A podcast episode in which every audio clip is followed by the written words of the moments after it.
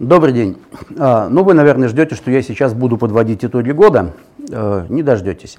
Э, во-первых, потому что до конца года без малого две недели, и даже еще пресс-конференция президента не закончилась. Неизвестно, что будет озвучено там, поэтому уж точно рано говорить о том, как закончился год. А во-вторых, ну, собственно, сейчас только ленивый не подводит итоги года, и в сороковой раз повторять то, что совершенно очевидно и сказано уже другими, я не хочу. Поговорим мы на другую тему, которая на самом деле достаточно интересна, и судя по запросам и, э, скажем так, интересов со стороны и граждан, и журналистов, она достаточно актуальна. А именно, Система налогообложения в России, вероятность и возможность введения прогрессивной шкалы налогообложения и ухода от плоской. Плюсы, минусы, насколько это возможно. Ну давайте сначала посмотрим, а, как это делается во всем остальном мире. А, начнем с того, что во всем мире среди, ну скажем, цивилизованных стран, Африку не берем, всего шесть государств имеют плоскую шкалу налогообложения. Это Россия, Беларусь, Болгария, Латвия, Литва и Эстония. Все. У всех остальных э, шкала налогообложения действительно прогрессивная, но она везде устроена очень по-разному. Э, тут надо иметь в виду, что в каких-то государствах есть минимальный порог а, ниже которого, зарплата ниже которого не облагается налогом вообще, а есть государства, где даже минимальная зарплата облагается весьма приличным налогом, при том, что шкала там все-таки прогрессивная. Ну, к примеру, в Австралии до 4600 долларов в год вы не будете платить налогов вообще. В Австралии 12500 долларов в год вы можете заработать, не заплатив налогов в принципе. В Великобритании уже 15500, в Германии до 9000 э, долларов э, в год не облагается налогом. Ну и совсем хорошо у нас живет Сингапур, там до 16 тысяч долларов э, в год э, не применяется налоговая ставка, а если человек зарабатывает больше 236 тысяч долларов в год, сумасшедшая сумма по нашим понятиям, он будет перечислять в бюджет всего 20%.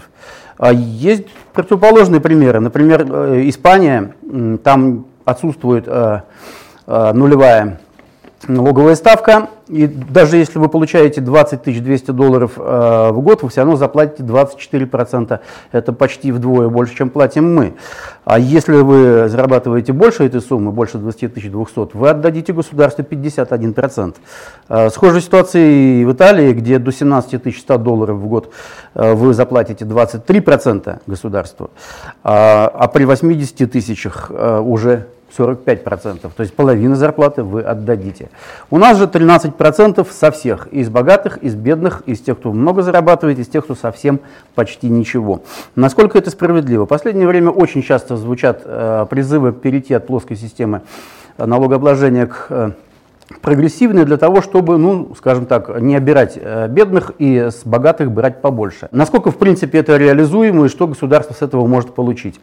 Ну, первое, что, конечно, э, брать э, налоги совсем малоимущих, с, скажем так, с точки зрения социальной справедливости выглядит странным. И если будет введена какая-то не налогооблагаемая планочка, ну хотя бы сколько-то там мрот, это будет, по крайней мере, объяснимо. С другой стороны, тут надо иметь в виду, что если вы надеетесь отнять и поделить, то есть забрать деньги у олигархов и отдать их бедным, у вас не получится. Начнем с того, что э, большинство олигархов э, налоги не платят практически совсем.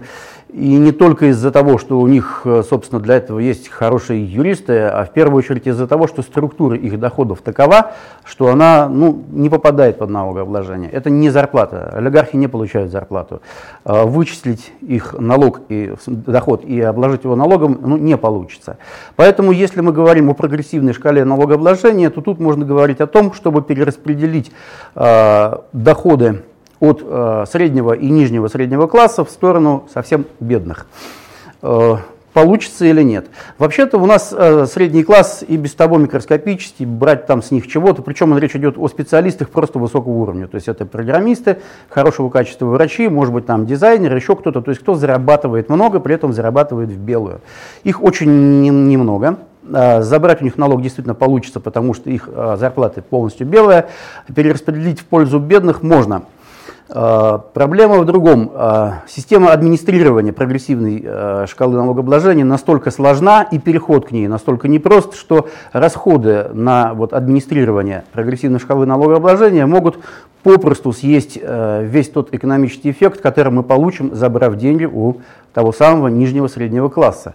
И это уже много раз говорилось, что у нас, в общем-то, введение системы прогрессивного налогообложения сталкивается именно с колоссальными затратами на администрирование этого налога. Поэтому у нас применяется немножко другая система. Э, у нас собирается со всех одинаковый налог, но э, в виде социальных выплат отдельным категориям нуждающихся, там, многодетным, малоимущим и так далее, эти деньги возвращаются в виде вот, целевых выплат.